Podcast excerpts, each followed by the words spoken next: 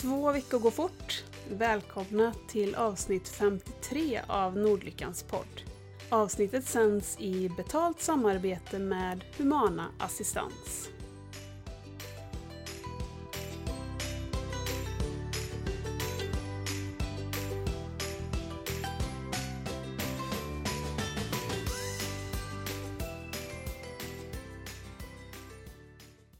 Av alla assistansbolag i Sverige så har flest kunder valt just Humana. Humana har lång erfarenhet, engagerade medarbetare och Sveriges största samlade juridiska kompetens inom personlig assistans. Humanas jurister finns alltid tillgängliga för att svara på frågor om assistans, både innan, under och efter en ansökan om assistans. För många föräldrar kan det vara ett stort steg att bestämma sig för att ansöka om personlig assistans för sitt barn inte minst för att känslan av att själv styra över sitt barns tillvaro är djupt rotad hos många föräldrar. Tack vare personlig assistans kan barn med funktionsvariation leva ett liv på samma villkor som andra barn i samhället. Med Humana som assistansbolag får ditt barn individuellt anpassad assistans. Läs mer om Humana assistans på www.humana.se. Tack så mycket Humana!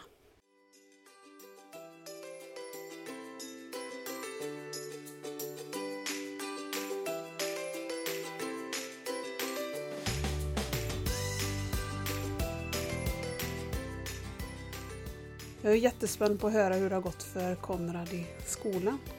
Ja, förra, nej, för förra veckan var ju första skoldagen egentligen då. Han hade varit på fritids på skolan, men det var första skoldagen. Då möttes de ute på skolgården och alla föräldrar fick stå med om man hade barn i förskoleklass. Men eh, sen fick vi inte följa med längre så och Konrad var jätteledsen på skolgården så det var jättejobbigt. Men samtidigt var jag väldigt glad för då hade han ju sin assistent med sig. Och då är det en assistent som även har jobbat hemma hos er som han känner sedan innan? Ja men exakt, det var Becka. De som följer mig vet nog också vem Becka är. Ja, vi känner igen henne från ja. bilderna. exakt. Det var den assistent som har jobbat längst med honom. Så det kändes jättetryggt att det var hon som skulle följa med. Jag fick ju också ett sms, vilket kanske var lite lyxigt, så kan ju inte alla andra föräldrar få, men att han hade lugnat sig och att det var bra och sådär. Och varför var han ledsen?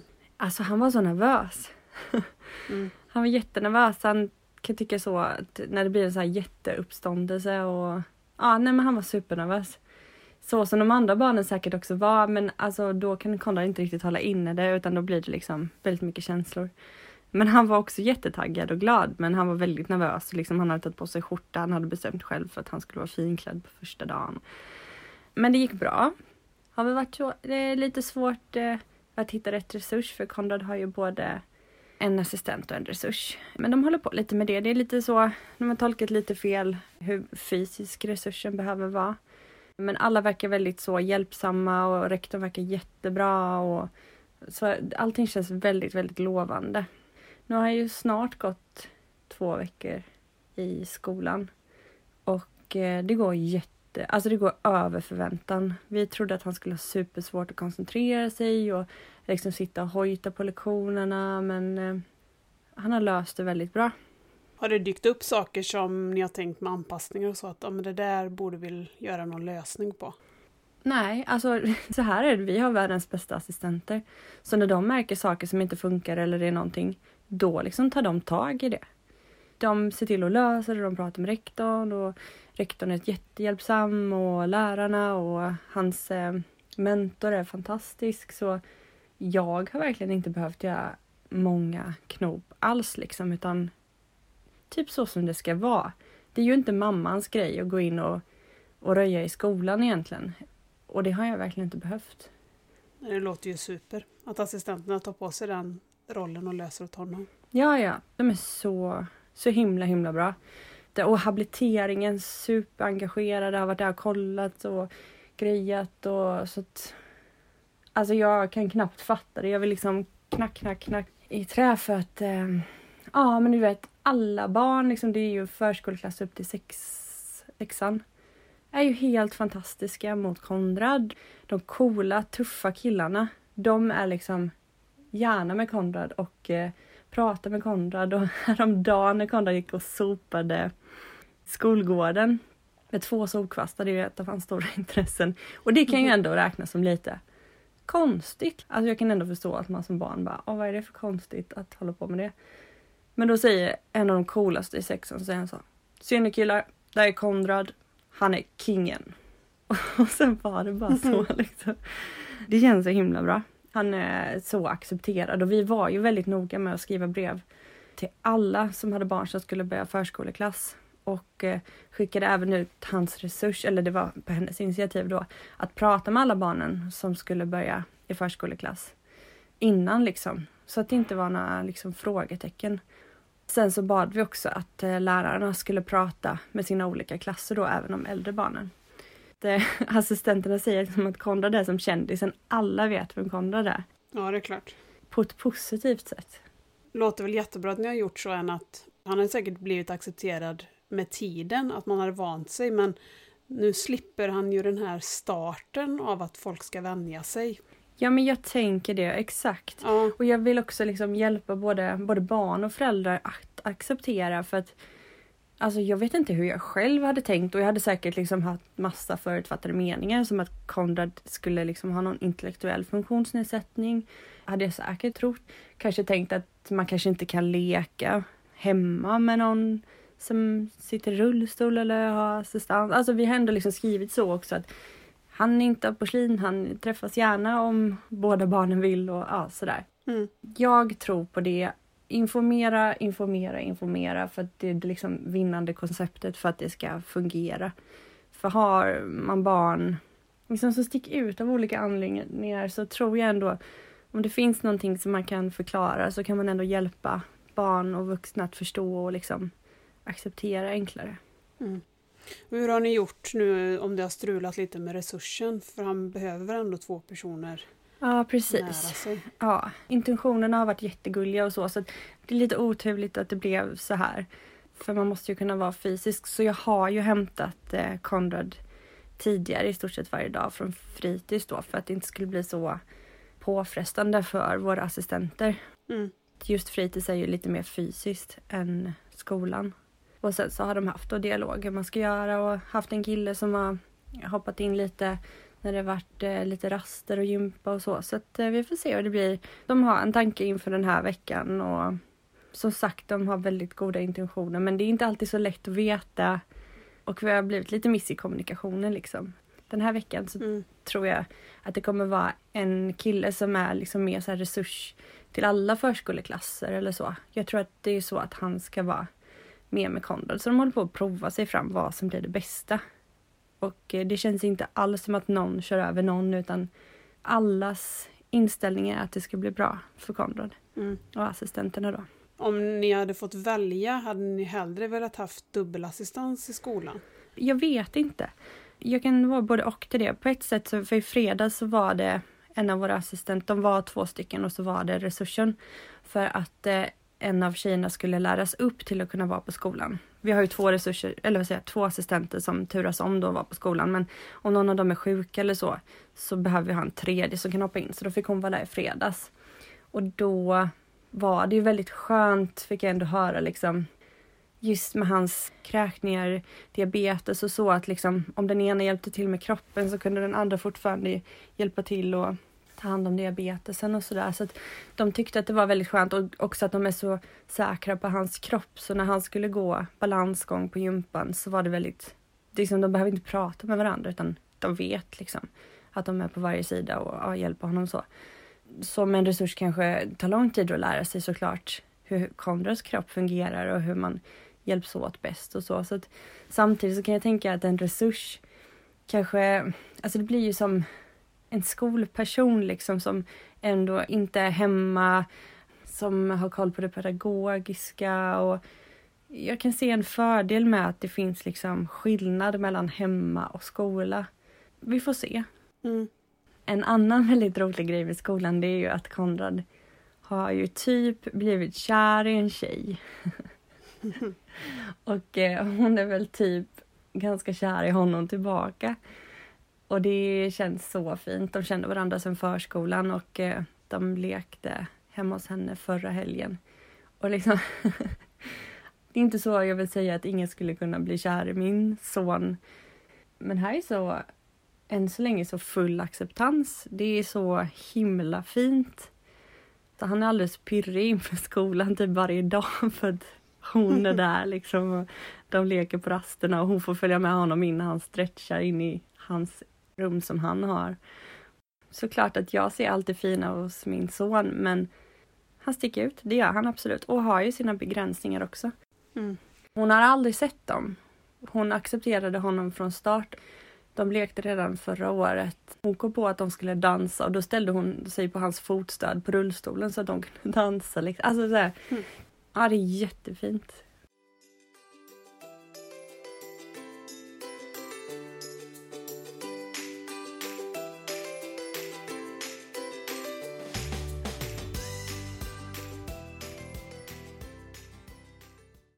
Ska väl inte säga för mycket än, men jag vet att än så länge har Konrad varit väldigt, väldigt duktig i skolan också. Om man nu ska använda ordet duktig, men alltså han har kunnat mycket. Kunnat svara, han har kunnat läsa. Vi visste inte att han kunde det. Har vi som visat sig sådana saker som inte vi riktigt kanske har koll på att, att han kan. Så i vissa grupper har han till och med varit bland de bästa, de bästa i klassen. Jag tror annars hade det inte spelat någon sån roll för mig om det vore Baltzar, liksom, om det var ett barn som inte hade så mycket andra utmaningar. Men här har det varit så här, vi vet att Konrad är en smart kille och så. Men det är väldigt svårt att veta hur lätt han har för att lära olika saker och hur lätt han har för att ta till sig kunskap egentligen. Det är det som vi inte riktigt har vetat, att han förstår allt som vi säger och allt som... Det har liksom inte varit några konstigheter men allt rörigt som finns i hans huvud med skador och sånt. Man har ju ändå undrat hur skolan skulle bli för honom. Men än så länge har han liksom verkligen varit jätteduktig. Mm. När det gäller honom så känns det ändå så här Wow, vad coolt, vad fint. Vi får se hur långt vi kommer liksom. Mm. Men det handlar också om en viss motivation hos honom då, att vilja visa vad jag kan. Mm. Han är väldigt, vi har pratat om det tidigare, precis som vi, han är så känslig för, eh, vad är det du brukar säga? Kravkänslig Exakt, det. kravkänslig. Det märker jag här, liksom att han hellre nästan svarar fel än försöker svara rätt. Alltså, så det, jag har haft jättesvårt för att veta om han kan någon bokstav och han gillar inte att läsa böcker så jag har liksom tänkt att han kommer väldigt mycket efter i läsförståelse. Men nu förra veckan i skolan så var han eh, jätteduktig på läsförståelse och liksom kunna dra slutsatser och, och sådär. Mm. Och vilken typ av kommunikationssystem använder han i skolan nu? Ja, där får de ju faktiskt använda hans poddbok mer. Vi kallar den Snackis eftersom hans diabetespump heter podd också, så det är väldigt förvirrande. Nice. Men eh, så Snackisen då som vi kallar det, eh, den boken använder han mest. Även ögonstyrningen börjar de försöka få in mer och mer. Så till exempel läraren skrev bil med stora bokstäver på tavlan, och så frågade hon om någon visste vad det stod. Och då fick Konrad leta fram i sin bok och då letade han fram leksaksbil. Det räknades som att han förstod liksom vad det stod. Ja, det är klart. Så han har bytt faktiskt sin sån här snackis då som vi kallar den alldeles eh, precis innan sommaren till en med mycket fler ord för att man märker att Konrad har ett eh, normalt ordförråd för sin ålder, kanske till och med lite fler ord eller lite mer avancerat. eh, Mycket på grund av att han umgås så mycket med vuxna. Så det var det de märkte, så han, han var för begränsad i sin förra. Ja, den är uppbyggd i olika nivåer. Ja, precis. Så det är olika antal bilder liksom. Så nu har han mycket, mycket mindre bok. Som är lite krångligare för mig i början. Men Konrad är jätteduktig på den. Han fattade direkt. Och använder ni fortfarande en fysisk bok eller är det på datorn? Nej, mest den fysiska då. Men vi har den på Mm. datorn också. Så det är bara att vi ska komma in i det. Konrad tycker att det är lite jobbigt när man ska ställa in. Man måste ju kalibrera och se till att det blir rätt. Och då hinner han tappa fokus liksom. Så det är det vi får jobba på. Men han har haft bättre fokus i skolan än vad han har haft hemma. Så det kanske blir så att det funkar bra. Mm. Jag har tittat en del Paralympics nu. De kör ju sånt magasin, Mm. en liten sån samman på kvällarna. Och eh, då var det ett reportage med en tjej, nu har jag tappat hennes namn, som har en CP-skada som spelade, vad heter det? Ja, just det. När man släpper Boka. bollar i... Boka. Ja, precis. Andersson. Och de använder ju Bliss, tror jag det heter. Mm. Och det var så häftigt att se för hon pekade med knogarna på de här bilderna och sen så var ju hennes mamma hennes röst. Mm. Men det är väldigt avancerat språk Mm. med bara de här symbolerna som man måste ju verkligen vara insatt för att kunna förstå. Jag kan ju Vides kommunikation och tolka honom men den här tjejen eller kvinnan var väl i 20-årsåldern.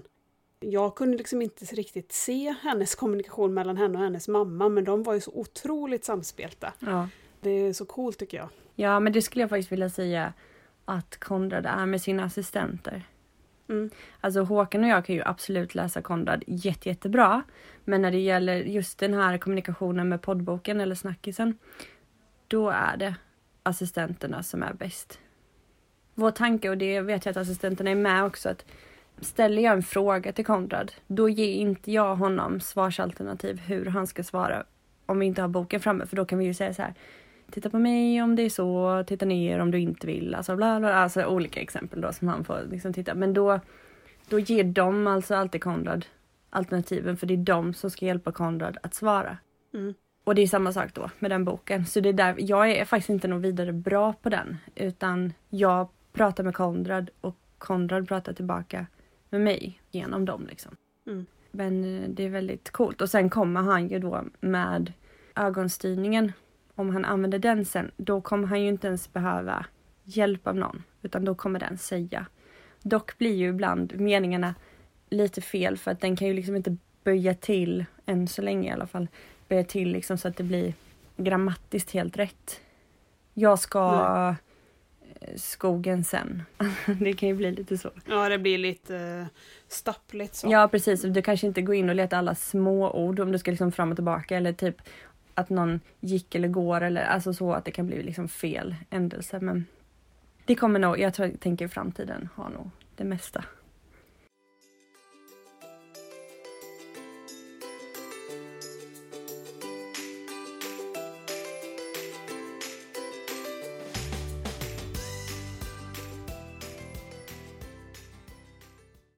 Fick han ju en uh, gåstol också, den måste vi prata lite om. Ja. Jag vet inte vad den heter. Jag har läst det flera gånger för flera har skrivit att deras barn också har den. Jag vet inte vad den heter men jag vet att den kommer från USA, att den inte finns i habiliteringen eller Hjälpmedelscentrums eh, vanliga sortiment. Men eh, Konrad fick prova ut den och eh, är väl den första som faktiskt har funkat. Konrad hade gåstol innan men den personalen vi hade från habiliteringen innan ansåg liksom inte riktigt att Konrad hade någon nytta av att gå i gåstolen. De ansåg att han kunde sitta i sin rullstol. Så vi fick liksom heller inte så bra chanser att liksom hitta någonting som verkligen kunde funka fastän Konrad har varit så tydlig med att han vill gå. Det har liksom varit hans drivkraft jämt. Ja, det blir ju rörelse också. Han får ju röra på sin kropp. Exakt vad vi också har tänkt men det har varit så. Och sen så bara bytte vi team och de bara men jösses han har så mycket gång i sig. Han måste gå.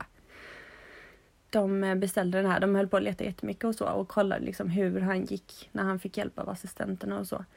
Jag kan liksom inte ens fortfarande ta in. De bara sätter honom i den och det första han gör är att han kör typ över sin arbetsterapeut. Liksom han bara puttar in henne i väggen för att han börjar gå direkt och det var liksom så här va? Och sen bara började han trippa runt i hela huset. Vi behövde inte hålla i honom. Vi behövde inte hålla en hand i honom. Liksom, vi kunde behöva putta till den och fastna liksom på mattan eller någonting men alltså han kunde styra sin kosa vart han ville i stort sett. Sen måste han ju öva på svänga eller liksom så här, men ändå att komma framåt. Och sen tog de med den gåstolen till eh, skolan dagen efter. Både de och jag, jag fick ju filmer skickade, var helt chockade för att han hade sån han var liksom så snabb och bara körde på. Jag tror han gick i 40-50 minuter liksom i ett streck. Vad det än gör för framtiden så är det ju bra att röra sig. Alltså det kan man ju inte komma ifrån. Och att han också kunde hålla kroppen uppe, för det är inte så lätt för honom. Han är ju sån att han inte kan hålla huvudet ordentligt. Han kan behöva hjälp att hålla huvud och nacke och sånt. Men liksom i den, i gången, så fick han ju väldigt fin hållning. Ja, jag såg att de var framme och puttade till huvudet några gånger när han liksom Ja, tappade. precis. När han uh, tittar uppåt så kan han inte få tillbaka huvudet. Det var jätte, jätte roligt och han har verkligen haft den och kunnat haft den på gympan. Sprang runt på skolgården med sina kompisar och de är ju bara sådär Åh vad coolt Konrad, kan du gå i den här liksom? Inte något konstigt utan bara wow. Och lillebror Baltzar bara Åh vad snygg den är röd och jag vill också ha en.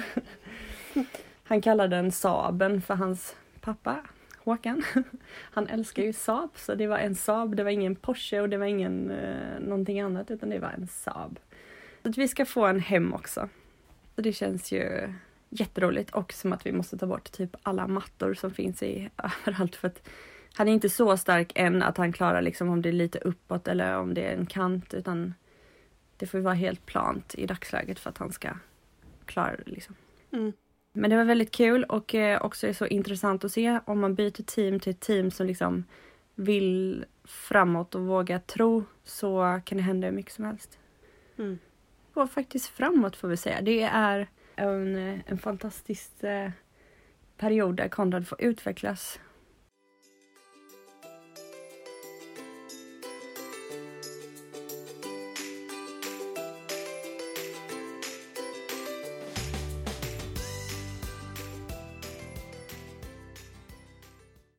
Hur har det varit för dig då nu när vardagen hade dratt igång? Jag tycker det hinner hända så mycket på två veckor kring Vide. Så. Men det första som hände var att vi fick reda på att Vides resurs ska sluta. Just det. Vi har haft henne i fyra år nu, så det är ganska länge. Mm. Det är den enda personen egentligen som vi har haft med oss hela den här resan eller så lång period. Vi hade såklart hoppats på att hon skulle vilja jobba kvar i alla fall tills han börjar skolan. Mm. Men vi har ju också tänkt tanken, vad händer om hon slutar eller inte vill mer eller Ja. det kan ju finnas olika anledningar till att man inte skulle jobba som hans resurs. Så att jag trodde nog att jag skulle bli mer ledsen än vad jag blev när det nu blev så här, eller när vi fick den informationen. Mm. Lite ledsen för Vides skull, för han tycker väldigt, väldigt mycket om henne.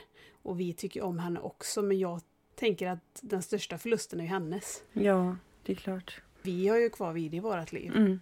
Och sen har de gjort en jättefin lösning Mm. med bytet av resurs med en person som har, som har jobbat på den förskolan tidigare och som även har personliga kunskaper om funktionsnedsättningar. Så Mm. att det känns supertryggt och bra och kunde inte bli en bättre lösning om vi nu var tvungna att bli av med den resursen han har.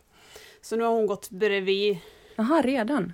Ja, hon, då, hon ska sluta redan på fredag. Oj. Så att, eh, då har den här nya gått bredvid nu. Och hon ska gå bredvid då totalt två veckor Mm. det känns jättetryggt. Vi föräldrar behöver inte vara involverade i det. Jag behöver inte berätta egentligen någonting för den nya resursen för att den andra resursen känner ju vi lika bra som oss så att jag litar på att hon löser det. Ja men det är bra, det är ändå så det ska vara. Mm. Vi lägger mycket tid ändå tänker jag. Så att det, det låter ju jättebra ändå. Ja, tråkigt fast ändå bra. Ja, Jag har redan börjat ställa in mig på att vi kommer få förhålla oss till fler och fler människor i vårt liv Ja. på grund av assistansen mm. och att folk kommer komma och gå. ja Vi är tacksamma för de fyra åren hon jobbade. precis. Alltså jag tror mycket på inställningen. men Annars blir exakt. det otroligt jobbigt. Ja. Så fort någon ska sluta. Så är det ju i vårt liv också hela tiden. Det var också resursen som Konrad hade på förskolan inte följer med till skolan och hon är helt fantastisk. Men jag försökte också ta det så med någon slags, okej det är ett steg som vi måste gå nu och tack för den här tiden och det var jättefint och det är samma sak med assistenter när de man trivs med som kanske ska gå ett annat håll. Även om jag är ganska så ändå nära och personlig med assistenter så tar jag inte det så hårt för att man kan inte göra det för då går man liksom sönder. Det blir ju så många sådana här situationer att man erbjuder folk jobb som de tackar nej till eller Mm. att de kanske provjobbar, Mm. tänker jag, och sen säger att nej det här var inte någonting för mig. Mm. Eller jobbar jättelänge om man tänker att de nästan är en del av familjen och sen säger de att jag vill göra något annat. Man måste vara beredd på att så kommer det ju bli även om man inte vill.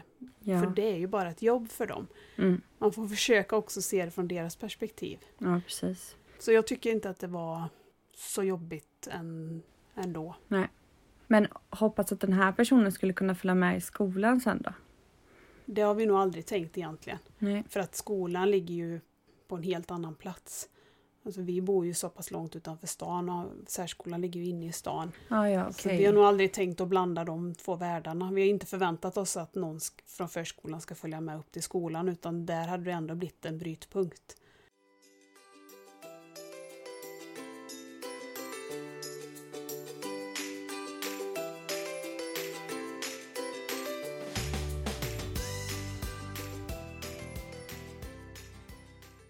Vad har mer hänt då? Nej men vi har gjort något jätteroligt också. Vi var på High Chaparral igår. Ja, jag såg bilder. Kul! Det var RBU som hade en dag där. Mm. RBU-dagen tror jag de kallar det för. Så, Ja. Och RBU står ju för rörelsehindrade barn och ungdomar. Ja. Ja men det kändes som vi alla RBU-are var VIP-gäster där. De hade ordnat det så himla fint. Det var, röda mattan var utlagd Mhm. redan när man kom och vi fick eh, speciella såna här scarfar om olika färger så att man såg. Det var väldigt smart för man såg ju då i parken när man mötte folk att, att de var med i föreningen. Mm. För på alla är det ju inte så här tydligt. Det är klart om man kommer med rullstol så förstod man ju att de antagligen var där av den anledningen men så tydligt är det ju inte för alla. Nej, precis. Vi var lite så här om vi skulle åka eller inte för vi hade haft jättedålig magperiod. Mm. Om man skulle gå och vänta på den perfekta dagen så kommer man aldrig komma iväg. Mm. Nej, men det blev jättebra och när man väl är på plats det är som att han har ju någon sån förmåga att stänga av det jobbiga. Man såg ibland att han blev ganska trött men han var på jättebra humör hela dagen. Sen har han ju varit supertrött idag istället då. Men han uppskattade showerna eller? Ja, han tyckte det var jättespännande. Mm. Vi var där för, men det är nog tre år sedan nu, och då tyckte han ju det var otäckt och kunde, var ju tvungna att gå ut men då var han ju också bara två år så det är ju inte så konstigt. Nej. Nej men han tyckte det var jättespännande. Tuva tyckte att det var lite läskigt och lite högt så hon höll ju lite för öronen. Mm, det är ju väldigt högt.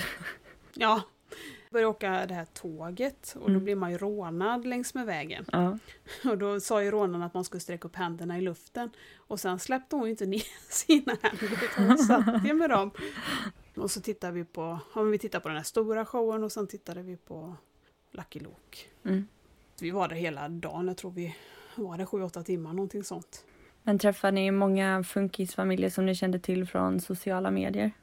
Ja men det var ganska många som kom fram och hälsade på mig som kände igen mig då. Mm.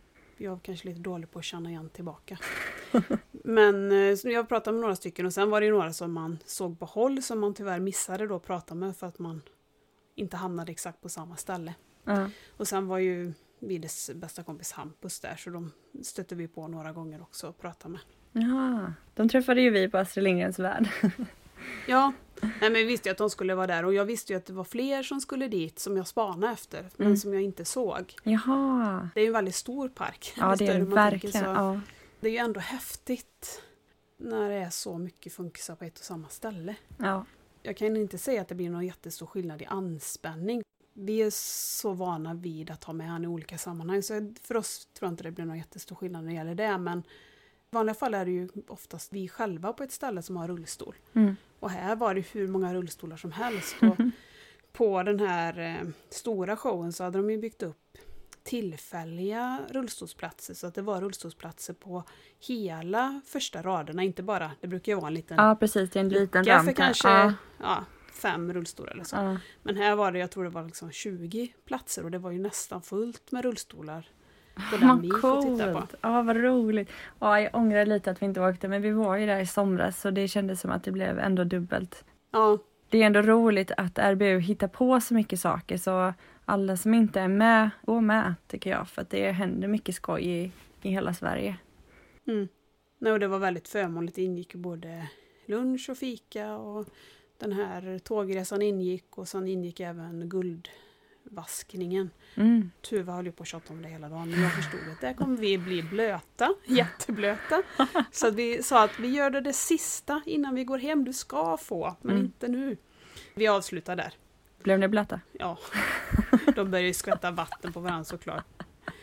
Och Vide doppade ju ner hela, han hade ju regnkläder på sig men han doppade ner hela armen där. Så vi bytte bi- kläder vid bilen och så var vi torra när vi åkte hem. Så, Perfekt. Men klädde ni ut er? nej. Det var ju tur att vi inte hade köpt massa kläder med tanke på att vi fick pälsa på oss regnkläder sen. Nej, det är sant. Men det var ju många som var utklädda. Det är ju en rolig park på det sättet att man inte ser vilka som jobbar där och vilka som är gäster.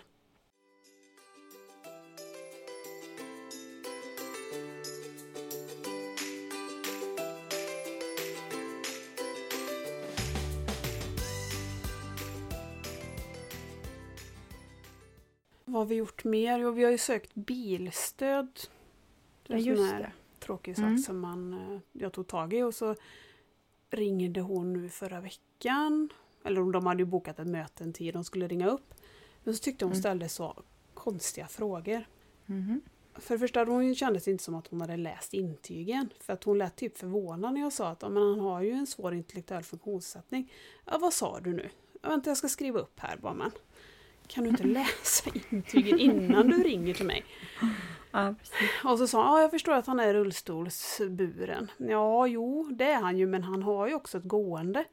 Jaha, och du vet, då fastnar hon ju i det. Jag, hon ställde så mycket frågor. Jag tror att om man inte har någon uppfattning om funktionsnedsättning så tror man att ett gående är den sista motoriska färdigheten. Om Mm. man kan gå så kan man allt annat också. Mm. Men så är det ju inte för Vide, utan han har ju gåendet som ju är ett ganska stappligt gående, men ändå ett gående. Men han, han kan inte krypa, han kan inte klättra. Mm. Han kan ju bara gå på plant underlag. Alltså, jag försökte förklara, men det var svårt. Och det var ändå ett ganska långt samtal. Och sen när vi lagt på så tänkte jag att vad konstigt, hon ställde ju inga frågor om kring själva bilåkandet, hur det funkar. Nej. Så jag skrev tillägg och mejlade sen då.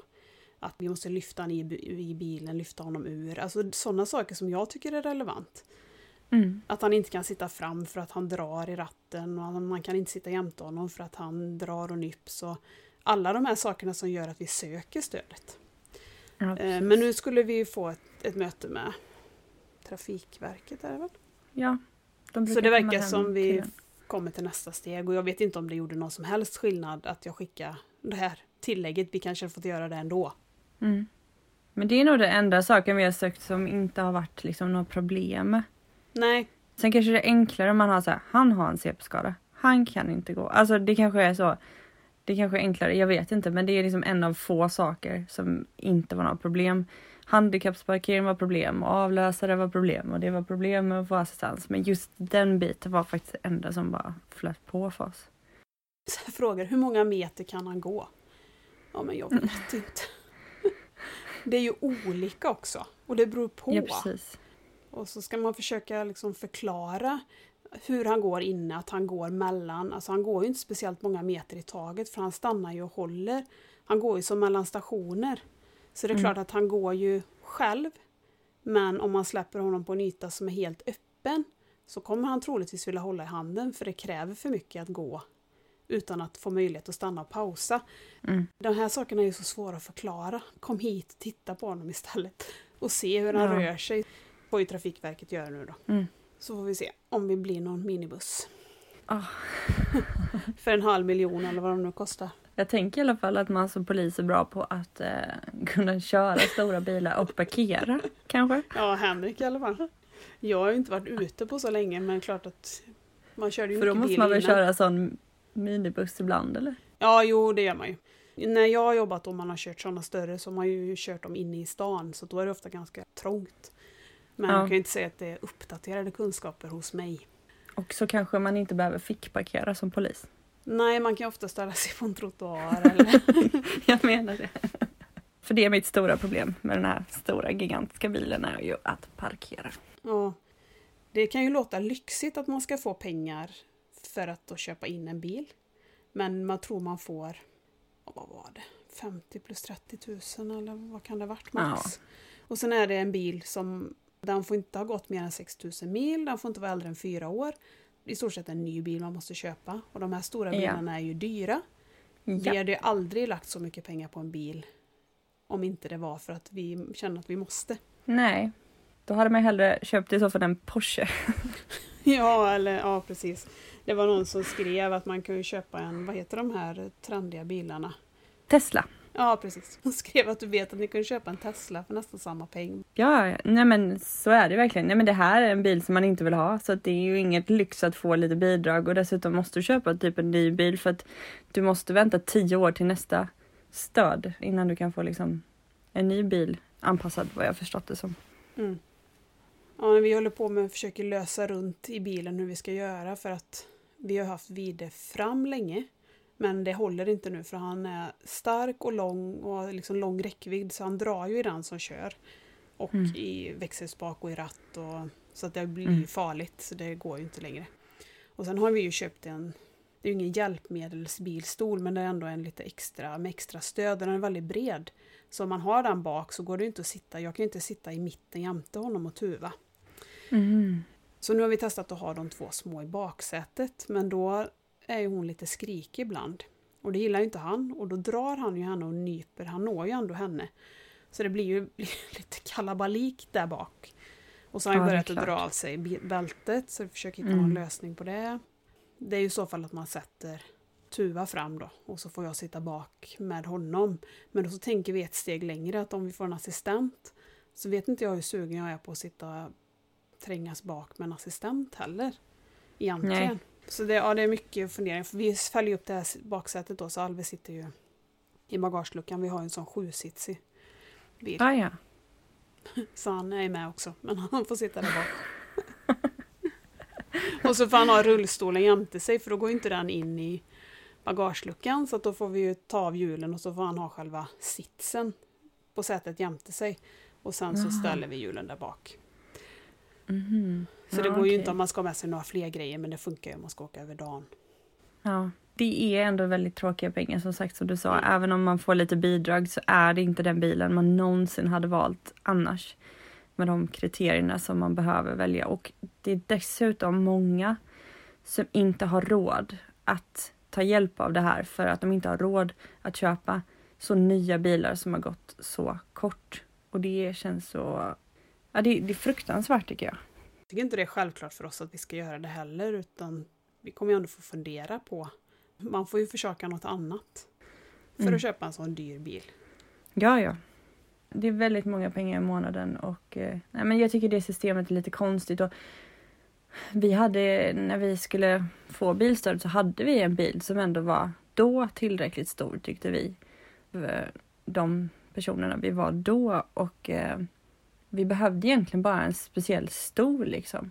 Men den kostade ju typ 30 000 eller någonting. Men sen till slut så landade det i att på sikt så insåg vi ändå att vi hade behövt en större bil. Men de kunde ju inte anpassa den bilen och den var liksom de behoven som vi behövde. Så jag tycker att, att man borde se lite från fall till fall liksom. Mm. Och visst var det så att de tyckte att ni ska köpa någon större bil? Ja men exakt, vi har haft Trafikverket är det va? Som var här i somras. För att vi behöver en bättre anpassning. Nu när kameran blivit längre och större så är det jättesvårt att få till det och den anpassningen vi hade gjorde att han skulle sitta framåtvänd i bilen men då skulle det, det kan han inte göra för att han måste ha någon som sitter mitt emot honom när han kräks och kan hjälpa honom eller se honom hela tiden och så. Så då gjorde vi det, men då började de fundera på om de tycker att vi behöver ha en ännu större bil som eh, också får plats med permobil snart då i framtiden. Jag ska ju både klara vikten av det med alla oss och sen så få plats och Mm. kunna rullas in och så. Så nu börjar de prata om att vi kanske behöver ett steg större minibuss. Det tas ju inte helt välkommet in så. Så Jag tänker, okej, pengar, pengar, pengar tänker jag verkligen. Gud vad mycket pengar. Och sen så tänker jag, hur fasiken ska jag kunna parkera den bilen mitt i stan? För jag skulle ju aldrig någonsin få för mig att ställa mig på handikappsparkering när inte Konrad är med. Alltså aldrig, aldrig, aldrig. Det skulle jag aldrig göra. Men samtidigt, jag vet vad sjutton jag ska få plats med en sån megabil när jag är så sämst på att parkera. Ja. Vi eh, funderar lite på det för att det är som sagt, det är mycket pengar och eh, en stor ansträngning liksom. Mycket pengar för en väldigt osexig bil. Alltså otroligt osäkert. Det är därför vi har, vi har ju personlig nummerplåt. För vi känner att någonstans måste vi ändå få vara lite coola med vår bil. Så det står FON U på vår bil.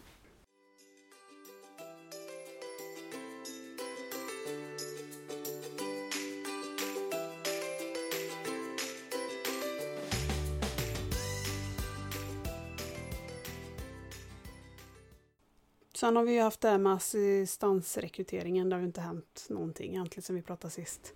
Mm. Vi har några intressanta ansökningar och så får vi se om vi ska träffa några av de personerna här nu då framöver. Så det känns lite tungrot. Jag Eller att vi förstår står och det. stampar lite. Det känns ju också som att ert assistansbolag hade ganska god insyn att det kanske skulle vara så. För du pratade ju redan om september från början. Det tyckte jag lät så här, nej men oj, men nu inser man, alltså vi söker ju också personal, att det verkligen har varit så i sommar att det är inte alls lika många som söker på sommaren. Nej. Nej, jag tycker inte att vi har ställt några övermänskliga krav heller, utan ganska låga krav. Mm. Vi har ju inga krav på erfarenhet. Nej. Man ska inte säga att vi är beredda att ta vem som helst, men vi är beredda att lära upp någon. Mm. Vi håller tummarna, men jag hade ju nu när vi var på High Chaparral så hade jag ju bokat. Vi köpte ju de biljetterna för länge sedan. Jag tror till och med att jag köpte dem innan jag fick assistansbeskedet. Ja, det är osäkert, men jag hade i alla fall köpt biljett till assistans, eller till en assistent. Så det kändes ju lite naivt nu när vi var där att vi hade en biljett Ja. över. Ja, men alltså vi, nu har vi ju såklart mycket personal men vi är ändå absolut underbemannade. Eller de är underbemannade så att vi söker också jättemycket men det är, vi tycker också att det är extra svårt just nu. Så det är nog det. Men det verkar komma in lite mer nu faktiskt. Jag har försökt lagra energi för inskolning för det kommer ju bli krävas ändå Mm. mycket också att skola in någon och att de ska Ja. trivas och att man ska förklara allting kring video och vad vi förväntar oss. Ja, nej men det, jag tycker faktiskt även nu fast vi har full personal, eller ja det är vi inte, men alltså att vi har dubbel assistans, lalala. Men varenda gång vi har en ny person på upplärning, det kräver så jättemycket energi. Baltzar blir helt personlighetsförändrad varenda, varenda gång det kommer någon på upplärning. Han blir ett litet monster. Och det är väl för att han vill synas och höras och så, men det blir liksom, det bara slår över fullständigt så jag får alltid lägga fullt fokus på honom. Och samtidigt som du säger så vill man att personen ska trivas, man kanske liksom försöka att inte tänka till och städa till det och sånt för att jag känner att jag kan inte orka göra det för andras skull så ofta.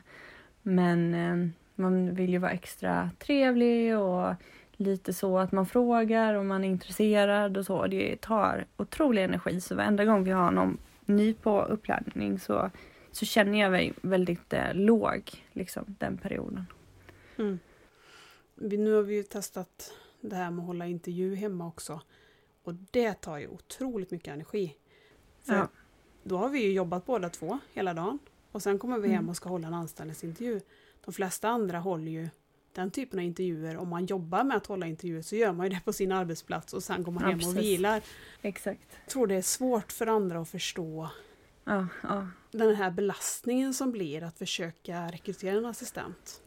Precis, nej, jag förstår exakt vad du menar. Vi har faktiskt alltid haft det så att telefonintervju och sen så en intervju här hemma hos oss i vår soffa. Men eh, jag sa nu att vi får nog, om det inte är så här något extremt att vi verkligen måste vara snabba, så sa jag att jag kan hellre se om jag kan ta ledig en stund mitt på dagen när jag jobbar och ha den intervjun på stan dagtid. För annars brukar vi ha att de kommer liksom i 19-20 på kvällen när barnen sover. Och då är den kvällen och energin över. Mm. Nej, det är svårt. Det är det faktiskt. Speciellt om det inte blir någonting sen. Så har man haft liksom ett gäng folk sittande i soffan med en kopp kaffe. Alltså, ja. Jag känner att... jag Ja, man det lämnar ju ut eh, vid Mm. ganska mycket också. Ja, och syskonen med egentligen. I Ja, alla fall i vårt fall. och man kan ju inte mörka om man säger så, utan vi måste ju verkligen tala om vad det här jobbet innebär. Och vi hade ju en assistent, eller en eh, kandidat på intervju och så förstod hon ju då att vi inte haft någon assistent innan utan vi ganska nyss har fått det här beviljat. Och då frågar hon, men vem har gjort allt det här innan? Mm. Ja, eh, det är ju vi som har gjort det. Och då förstod man Mm. på henne att hon tyckte nog att det blev nästan lite överväldigande.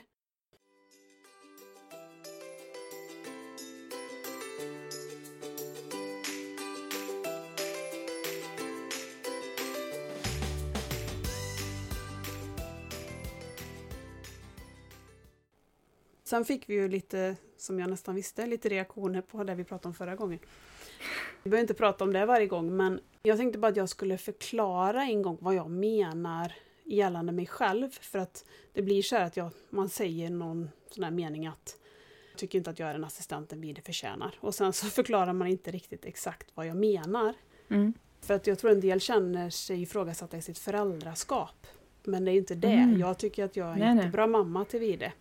Mm. Men det finns otroligt många situationer där jag väljer bort det som är bäst för honom för att det är bäst för mig. Mm. Jag gillar till exempel att ha med barnen när man bakar eller lagar mat. Men om Vide Mm. ska vara med och göra det så måste jag ju 100% hjälpa honom att hålla i skeden eller kniven eller flytta saker från en skärbräda till en skål eller röra om. Alltså det är ett 100% stöd och då kan Mm. inte jag baka och laga mat samtidigt på samma... Alltså som Tuva eller Alve kommer så kan man ge dem instruktioner. Ja. Och då väljer jag ju bort. Alltså då kan det hända att jag och Vide bakar ibland som en aktivitet som jag har förberett men inte i Mm. det här vardagliga. Då får han aldrig vara med. Nej. Och då- där tycker jag att då är ju inte jag en bra assistent. För att jag orkar inte och kan inte låta honom vara delaktig på samma sätt Mm. som syskonen. Mm. Sen finns det ju det här små busa. Alltså jag som förälder ska uppfostra honom och säga nej Mm. och visa vad som är rätt och fel. Men det ger ju honom också väldigt, väldigt lite utrymme att ta en toarulle och hälla ut den över hela hallen eller gömma grejer i våra skor eller stöka ner på Tuvas rum. Alltså allt sånt som jag vill att han ska få uppleva för att han är ett barn som han har i sig säger vi nej till. För jag är hans Såklart. mamma. Ja. Så det är sådana saker jag tänker på när jag säger att jag inte är en bra assistent till Vide. Ja, jag håller med helt. Eller så. Det är väl på samma sätt som jag ser det, helt klart. Sen är det en till grej där, tycker jag, att det är också svårt att liksom ha någon barnvakt eller så till de andra eller det andra barnet samtidigt. För det är väl det som, som är klurigt, liksom att jobbar du och har timmar och du är assistent till ditt barn så kan du ju tyvärr inte samtidigt ta hand om andra barnen för att man har ju det uppdrag som man har som en assistent. Mm. Och eh, då ingår det ju inte, även om man är förälder till de andra barnen, så ingår det ju inte att göra saker för dem eller sitta med dem med läxorna eller att man måste göra maten för att den måste göras. Utan det är ju det som är väldigt svårt också att få ihop logistiken till att om man väljer att jobba och gör det, att det finns en annan person som sköter liksom familjen eller så, barnen eller liksom Mm. så. Och sen tycker jag den egentligen tydligaste situationen när jag också får dåligt samvete är ju om vi antingen har gäster eller om vi är hemma hos folk. Och framförallt de som har egna barn. Eftersom vi är mellanbarn så att om både Tuva och Alve gör någonting ihop så kan man ju gissa att vi också skulle vilja vara med och göra det. Mm. Men han är ju nöjd. Så att det blir ofta att han får sitta med kvar vid bordet om vi fikar och dricker kaffe. Mm. De andra barnen orkar inte sitta så länge, de sitter en kvart och sen så har de gått till studsmattan eller vad de nu gör, hittat på något annat. Och då har det ju krävts egentligen av mig som assistent till Vide att jag skulle lämna våra gäster eller de vi är hemma hos för att följa med honom och leka med de andra barnen. Exakt. Och det är ju jättesvårt. Och det gör vi ju sällan eller kanske låter han vänta alldeles för länge. Och, och i de situationerna är jag absolut inte en bra assistent till honom. För där låter jag ju mina behov gå först. Såklart. Jag tror det är ganska många tillfällen om man tänker efter som de flesta, inte alla, men många kanske inte är den bästa assistenten för sitt barn. Absolut den bästa alltså förälder, alltså vårdnadshavare och den som kanske kan barnet bäst och allting. Men det är liksom helt, tycker jag, olika saker. Mm. Och till exempel ju äldre man blir så har man också ofta ett behov av att liksom lite granna utvecklas som individ där inte mamma eller pappa är med i varje, liksom, i allt. Det märker vi ju på Konrad. Såklart alla barn olika så det går ju egentligen bara att se från sin egen situation och det är den vi pratar ifrån. Men jag märker att nu när han får chansen att inte vara med oss hela tiden så är han gärna inte med oss hela tiden Nej. och vill göra andra grejer och göra grejer som lillebror inte får för att lillebror är yngre och, och så vidare. Liksom. Det ska bli roligt att se Vide om han får en assistent som han blir samspelt med. Mm. Vad han kommer ta initiativ till. Jag tror nog faktiskt att det kommer bli annorlunda. Mm. Nu har vi ändå förklarat lite mer för att många tar illa vid sig när man pratar om detta. Men jag vill bara förklara lite mer vad det är jag menar när jag säger så. Att jag inte är en bra assistent till Vide. Nej men precis. Nej, men då, som vi sa också vid förra, förra gången är ju att det är så individuellt. Varje familj och varje barn och varje diagnos. Allting gör ju att det ser olika ut eller liksom att man kanske inte har någon möjlighet att få någon assistent. Och jag menar man måste ju kanske göra nödlösningar och allt möjligt liksom. Man, alla gör ju så gott man kan för att det ska bli så bra som möjligt. Såklart. Mm. Nej, men jag har fått några sådana här pepp-meddelanden också. Att jag tror visst du är jättebra assistent till Vide. Nej, jag tycker inte det. Utan jag är hans Nej, mamma. vi har ju fått hoppa in en del den senaste tiden. Mm. Alltså jag märker ju, jag är inte alls lika bra som de andra assistenterna. Alltså på en rad mängd olika saker. Jag är inte det. Jag är faktiskt jätte, jag tycker att jag är en bra mamma till Konrad men just en bra assistent är jag inte. Jag är alldeles för lat och med mera liksom. Och det kan jag verkligen märka. Jag kan verkligen säga det till dem bara stackars dig som fick få jobba med mig idag för att jag är inte liksom så bra så att um, ja, nej, men det, det, är såklart en känslig fråga. Det förstår jag och jag förstår och jag är ledsen om många tar illa vid sig men man måste kunna prata om olika ämnen också och eh, man kan tycka olika. Mm. Och ibland kanske man kan ändra sig eller så. Man vet aldrig. Mm. Jag kan tipsa också, det finns ju en podd som, den är ju inte aktiv nu, men den är Sjukt liv. Mm. Med eh, Maja och eh, Nina. Mm. De eh, pratar ju också ungefär så här som vi gör.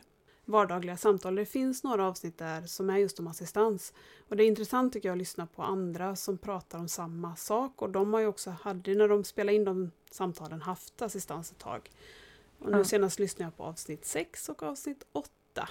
Tycker jag man ska gå in och lyssna på om man är intresserad av det här med assistans och vill höra lite om tankar från andra. Ja men exakt, jag, också, jag har nog lyssnat på varje avsnitt de har. De är jättefantastiska men de har något avsnitt där det är en, eh, en assistent som är med som gäst. Ja, precis. Och det avsnittet lyssnar jag också på nu. Och då skulle jag vilja säga vilken, vilket avsnitt det var. Men jag tror det var 27. Jag ska gå in och kolla. För då visst är det Roys första assistent som är med och gästar.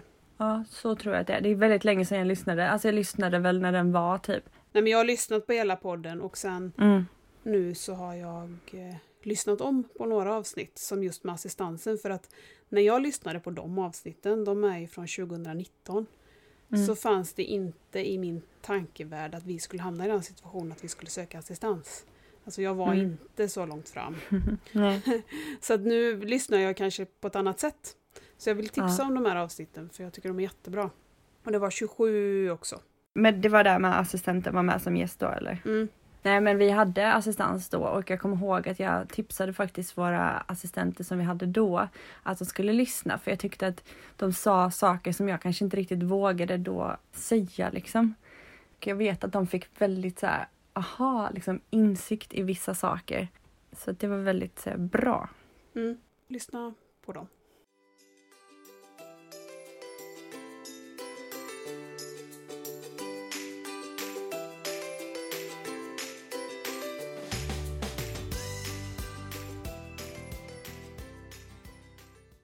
Ja, ska vi avsluta? Ja, jag ska proppa i mig godis och chips och så sista timmarna här för att imorgon drar jag igång med Weekly Revolt igen i veterangruppen. Jag måste liksom frossa nu innan det drar igång. Så det är min plan. Jag har börjat köra, jag har kört det innan, periodisk fasta. Mm. Jag tycker det funkar väldigt bra på mig. Jag Ja. kör den här 16-8, så man fastar 16 timmar och så har man ju ett ätarfönster på 8. Jag tycker jag får energi också av det, det är konstigt att det blir så men Så man får äta liksom ja, men så här, vanlig mat efter klockan 12 på dagen då. mm, man kan ju lägga det här fönstret hur man vill. Alltså om man är en frukostmänniska så skulle man kunna äta sitt första mål 8 och sitt sista mål klockan 4 på eftermiddagen. Mm. Och sen ha fasta fram till nästa morgon. Jag brukar ändå ibland hoppa över frukost och sen gillar jag ju när barnen har gått och lagt sig och kanske ta bit choklad eller någonting sånt på kvällen och då har man ju möjlighet att göra det fortfarande. Mm. Ah, Så ja. att jag börjar eh, 12 eller 1 beroende lite på när lunchen blir. Men det låter intressant för får vi se hur vi mår Mm. om, om några veckor då. Ja, nu blir det långt emellan här. Då får vi se, då har det säkert hänt massor av spännande saker till dess. Ja, hur mycket som helst. Ja, Men vi hörs väl kanske lite det däremellan. lär vi ju Ja, men då får du ha en fin vecka. Ja, Och samma. Så håller vi tummarna om assistenter. Ja, Ja. vi håller tummarna. Mm. Ha det bra. Då hörs vi. Ha det gott. Hej. Hej då. Tack Victoria och stort tack till alla er som har lyssnat på veckans avsnitt av Nordlyckans podd. Och det tredje tacket går till veckans sponsor, nämligen Humana Assistans. För mer information gå in på www.humana.se. Puss och kram!